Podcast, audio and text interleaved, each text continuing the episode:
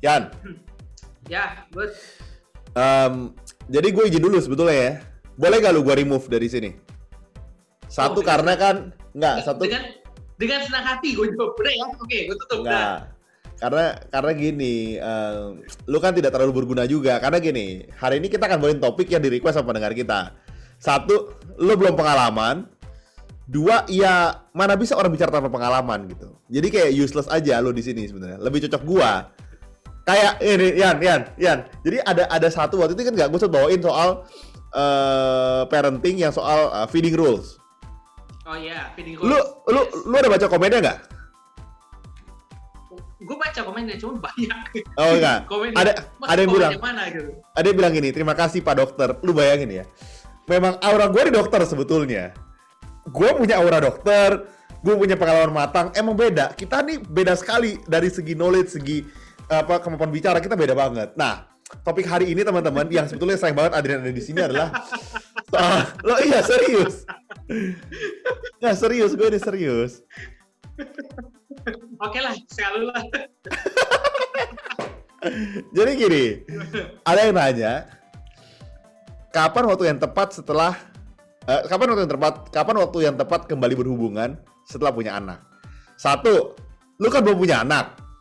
Dua, Hmm. ya mungkin kan, eh, gua nggak tahu ya, lu ada masalah seksual atau enggak, lu boleh cerita aja. Maksud gue cerita kendalanya apa ke teman-teman. Kira-kira perasaan lu gimana selama ini? Nanti bisa gue sambungin ke gue yang udah punya anak itu ya, coba ya.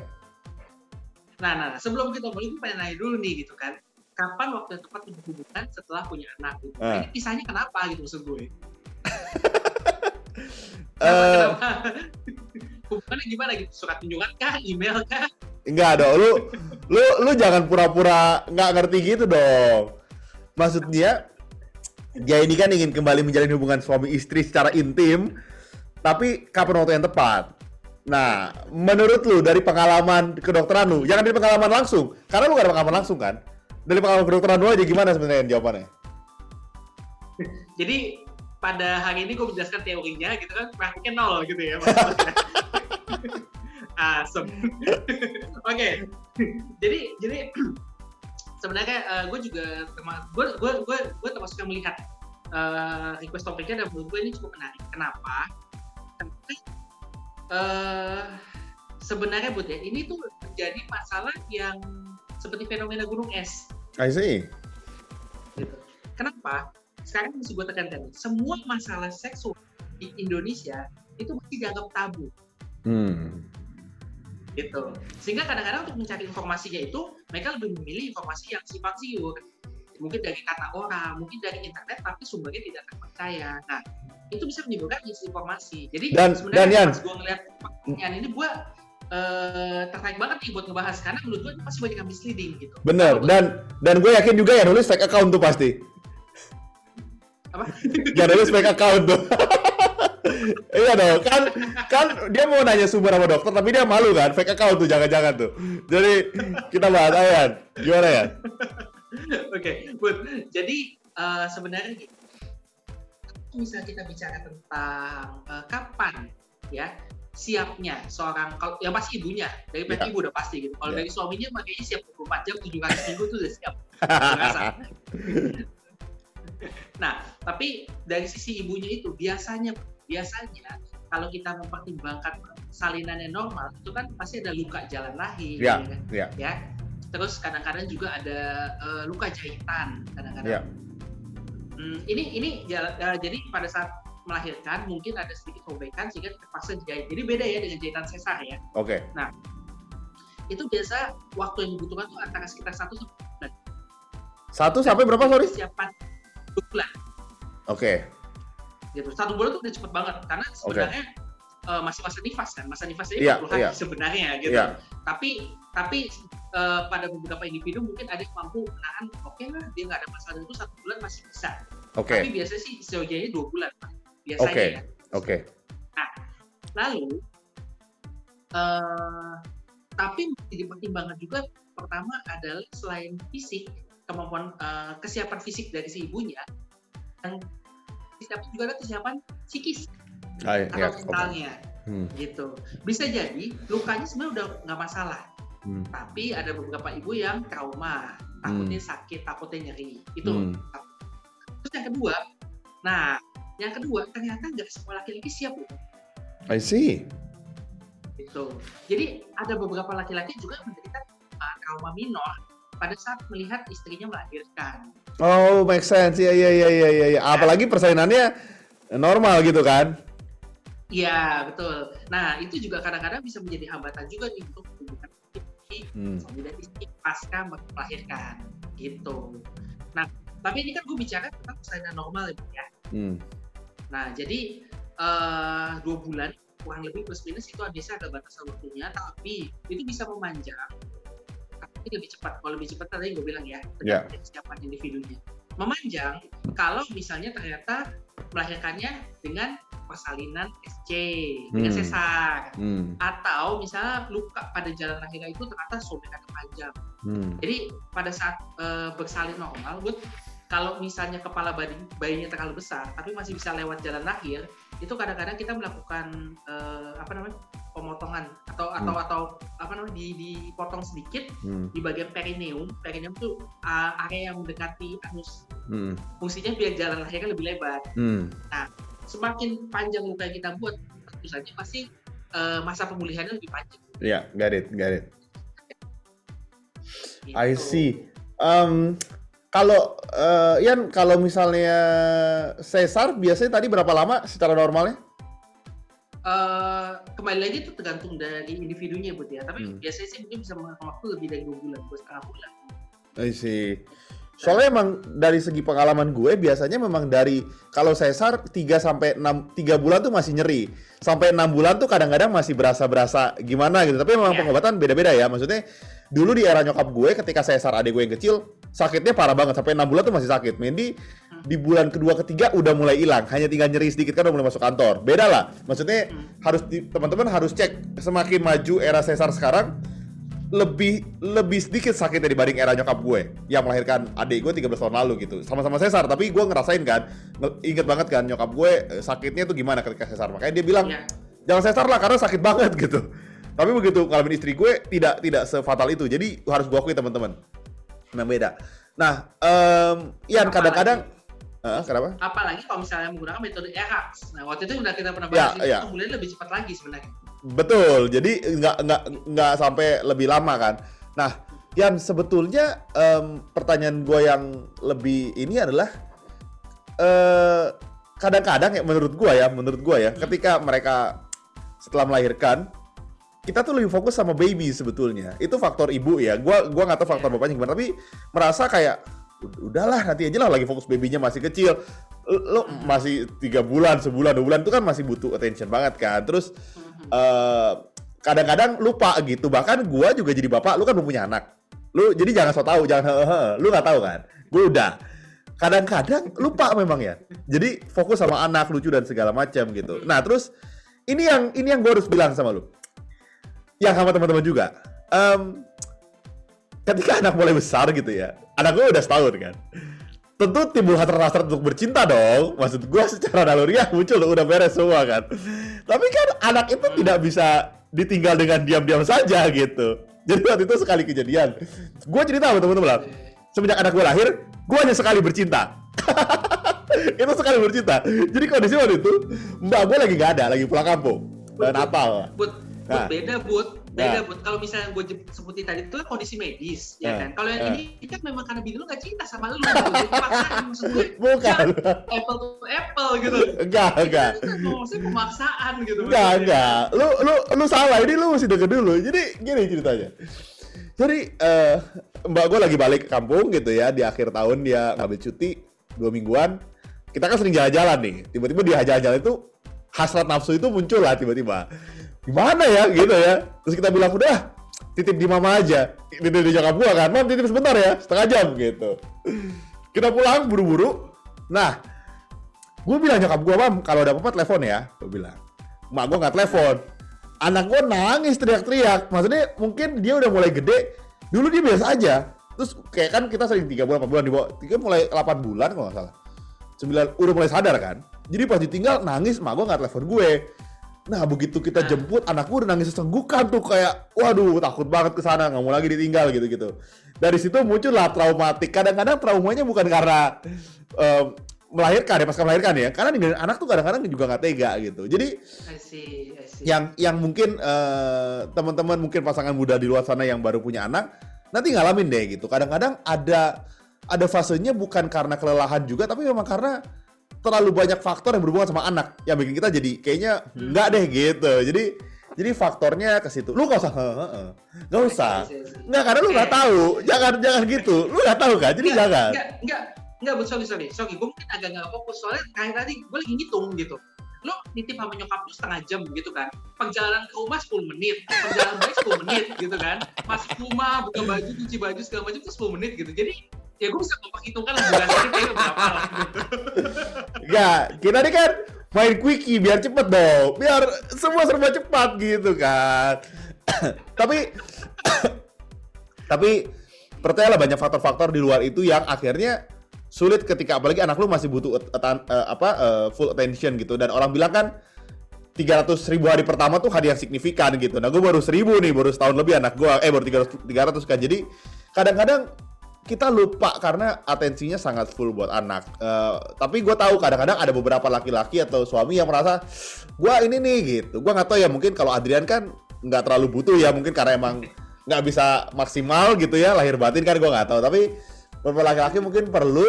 eh, nah sering kali penolakan yang muncul karena banyak faktor berhubungan sama anak gitu. Dan yang saran dari gue sih eh, intimasi itu bisa dijaga nggak hanya dengan hubungan seks gitu ya bisa jalan nonton kalau ada suster bisa jalan ke mall bareng-bareng gue kan ada suster ada mbak gue kita bisa jalan bareng dan itu menyenangkan juga gitu cuman emang kalau menitipkan itu kondisinya agak riskan buat gue waktu itu kalau jadi sangat sangat sedih sekali waktu itu Habis itu kita decide oh nah nah nah nggak mau lagi mau lagi mau lagi gitu Oke, tapi tapi Bud, eh, eh, makasih sih Bud. Jadi gue gue kepikiran tambahan gini Bud.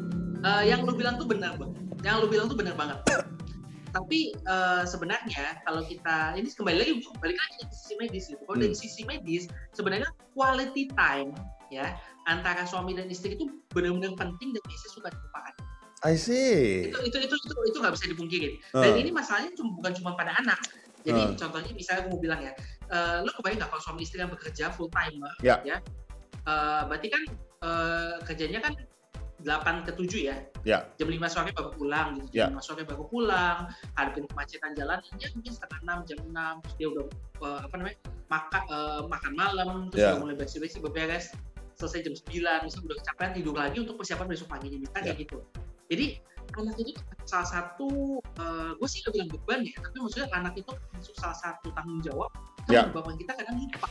Iya gue setuju butuh quality time gitu. ya Nah, nah sebenarnya kadang-kadang suka dilupakan tuh kesehatan mental itu sangat penting loh. I see Masuk di dalamnya bukan cuma quality time antara suami istri, tapi misalnya rekreasi, hmm, hmm, tamas betul. ya. Kadang-kadang ada sebagian orang yang eh, mungkin menganggap kayak ngapain sih jalan-jalan buat duit aja. Iya paham paham betul.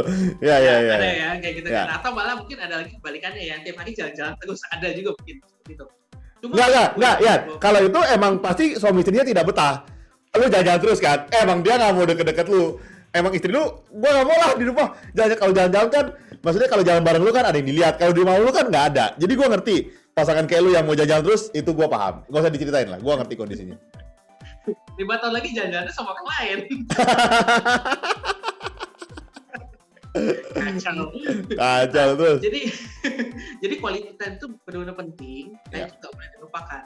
Nah, misalnya nih, misalnya sobat LP ada yang mengalami masalah serupa dengan Budi. Contohnya misalnya ternyata masalahnya anak nih.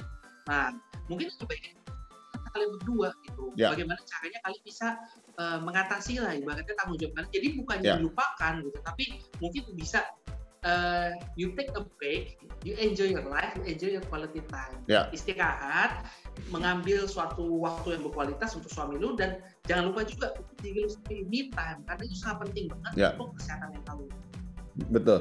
gitu. Nah, gitu. Nah terus eh, sa- sedikit yang mau sampaikan ya. Jadi kadang-kadang yang menjadi pertanyaan selanjutnya adalah gimana caranya memecahkan eh, apa namanya ice breaking gitu loh. Pada saat lu udah lama gak berhubungan sama istri lo, ya kan, dan kondisi istri lo juga mungkin habis trauma, lu juga habis trauma, ada cara memulainya. Nah, Oh, ini menarik. Caranya, iya nggak usah pakai cara, langsung eksekusi aja, langsung bersama-sama. Itu api cinta on fire ya. Nggak ada yang breaking ya. itulah, itulah kenapa lu sering tidur di luar. Gua nggak tahu ya, kalau lu tanya gitu, nggak ada ya dia. Karena memang udah sama-sama pengen, jadi nggak ada, nggak ada apa-apa udah. Karena nggak, gua harus bilang gini ya. Ini ini juga menarik. Em, gua nggak tahu lu sama pasangan lu sefrontal apa kalau mau berhubungan seksual gitu ya, atau suka ngomong bokep atau enggak gitu. Tapi gua sama bini gua suka ngomong bokep sering. jadi, jadi maksud gua untuk hal seks tuh kita udah nggak tabu. Kan ada pasangan yang gimana ya? Gua bini gua sih nggak ada ya, gitu. Jadi kalau ngobrol mau frontal aja. Untungnya anakku belum ngerti gitu. Jadi kalau udah ngerti sih bahaya. Sorry, gue mau nanya dulu. Ini ini ngobrol apa dia lagi menghujat lu gitu? Karena beda artinya. Gitu. Sama bicara kotor gitu maksud gue. Mungkin ya. Mungkin sama ini gue salah tangkap ya. Ah itu gue gak ngerti itu kalau itu. Mesti gue tanya kayaknya. Jadi, nah, buat ini beda buat kasusnya. Bud. Kalau misal untuk antara lu, berarti lu dari lu udah siap Ya, nggak ada apa-apa memang. kan? Benar kan? Udah siap, Betul. udah sama-sama memang mau. Tapi ada kalanya nih. Nah, ini kembali lagi karena kita budaya timur kebanyakan wanita itu dipandang sebagai objek. Ya, ya, ya. Bahkan Paham. wanita sendiri memandang dirinya sebagai objek. Sebagai objek. Dalam arti begini. Heeh, jadi misalnya si suaminya udah kadang-kadang ya si istrinya gini, dia beban. Hmm. Kok eh, gue udah lama nggak mau melayani suami gue, kan suami gue nyari pelayanan di luar. Lain. Ya, ya, ya. Akhirnya dia memaksakan diri padahal dia belum siap secara psikis ataupun secara fisik Hmm. gitu. Nah, si suami kita juga nggak tahu ya, mungkin ada juga tipikal konservatif yang menurut gue ya lagi menyaksikan persalinan istrinya sebenarnya dia belum siap nih gitu tiba-tiba tapi istrinya mungkin ngasih kode-kode atau dia merasa kayak gue juga harus eh namanya gue suami gitu kan gue mesti harus melaksanakan kewajiban gue nih gitu jadi sebenarnya ada pertentangan batin beda sama lu yang memang mau sama mau kan gitu kan atau Hmm, hmm. nggak tahu deh lu yang nggak tahu malu gitu gue nggak tahu deh Atau beda beda sama lu yang istri lu nggak pernah mau. Nah, lu boleh cerita juga. Gini. Gimana caranya lu orang bisa melakukan hubungan di saat istri lu nggak pernah mau gitu ya? Ah, apa tipsnya apa? Mungkin kan biasanya juga ada yang ngalamin suami-suami gitu kan? Ada, Gimana ya? Sapu tangan kloroform dikit kan Wah ngaco nih. Wah parah nih. Jadi sama dia istri lu terjebak terus gitu bangun. Ah, ini udah pagi gitu ya. Oke, nah jadi kalau misalnya tips gue, kalau misalnya memang lu mau mencoba mulai hubungan itu, uh, tapi lu masih ragu atau masih takut, mulailah start low, start Hmm. low, go slow. Jadi mulai dari rendah aja, mungkin lu bisa menikmati kualitas sesingkat mungkin ya, mungkin dimulai dengan foreplay ya, atau bisa juga menggunakan alat bantu lubrikan, iya. karena terkadang juga uh, kendalanya salah satunya itu karena wanitanya mengalami masalah lubrikasi juga Iya, iya. dan dan kalau memang ada yang merasa nggak nyaman jangan dipaksakan. Kenapa? Itu menjadi trauma untuk pengalaman selanjutnya. Ya. Yang ada malah makin takut, makin mundur, makin nggak berani. Iya, iya. Gua gua setuju. Jadi buat teman-teman eh, menurut gua komunikasi kalau ditanya, "Kapan nih, Dok?" Lu tanya pasangan lu, "Lu udah ready belum?" gitu. Kan lebih enak juga ya maksud gua gitu ya. Jadi kan Ya. pasangan lu juga tahu kondisi eh, fisiknya dia, mentalnya dia gitu. Atau yang cewek juga sebaliknya, jangan-jangan nanya cewek, tanya pasangan lu udah siap belum gitu. Maksud gue em, kadang kita nggak pernah tahu kan kalau kita nggak nanya gitu. Apalagi kalau dia sangat konservatif yang dua-duanya nggak mau terbuka, nggak mau cerita gitu. Karena ada temen gue em, pendiam banget orangnya. Jadi gua ngejok bokep sama dia, dia tersinggung gitu. Padahal kan niat gue bercanda ya gitu. Jadi temen gue sangat konservatif sekali. Put, put, maksudnya gimana? Dia, lu kalau misalnya bicara bokep sama dia, dia tersinggung. Ah, Tapi dia kalau ngeliat muka lu nggak tersinggung. tersinggung juga. Oh, udah. Mending putus hubungan aja kalau udah kayak gitu. Susah buat. pertemanan juga nggak bisa ya itu ya. Jadi jadi teman gue ini sangat konservatif banget orangnya sangat eh, pendiam dan sangat konvensional banget. Jadi eh gue gue bini gue cerita wah gue bilang ini kalau punya pacar susah nih gue bilang gitu nih. Mau ngobrol aja susah nih gue bilang gitu sama dia sama bini gue jadi teman gue nih sampai segitunya. Jadi gue tahu berapa orang di luar sana memang ada yang sangat konservatif dan ada ada baiknya lu orang ngomong sama pasangan lu gitu. Nah tapi kalau kendala lu seperti Adrian yang pasangannya nggak pernah mau nanti kita kasih nomornya di sini jadi lu bisa tanya dok gimana caranya bujuk istri A. Itu mungkin bisa pakai. Mungkin mungkin bisa tanya. Mungkin gini ya. Mungkin eh, lu bisa kasih juga info beli itu di mana ya secara legal gitu kan nggak apa juga. Iya dong. Dari lu ada tambahan nggak? Dari gua sih itu aja. Eh, berhubung kayaknya gue bakal tidur duluan malam ini, jadi kita akhirin dulu aja. episode kita Senin sama Kamis ya, dan seperti episode kali ini kita menerima, kita sangat open kalau misalnya ada sugesti, pertanyaan, kritik, saran apa pun, uh, usul-usul topik dan juga mitos. Mungkin yang sering kalian dengar dan pengen tahu nih kebenarannya tentang berbagai macam penyakit yang mungkin pernah didengar tapi nggak tahu mekanismenya pengobatannya seperti apa. Itu bisa kita bahas di sini bareng gue sama Budi. Jadi nantikan terus. Gitu aja. Good? Jadi sampai sini aja teman-teman. Semoga kita terus berbagi sama teman-teman, dukung dan support terus channel kita Healthy ID. Sampai sini aja, sampai ketemu di episode minggu depan. Stay healthy, and stay alive bye bye. Bye.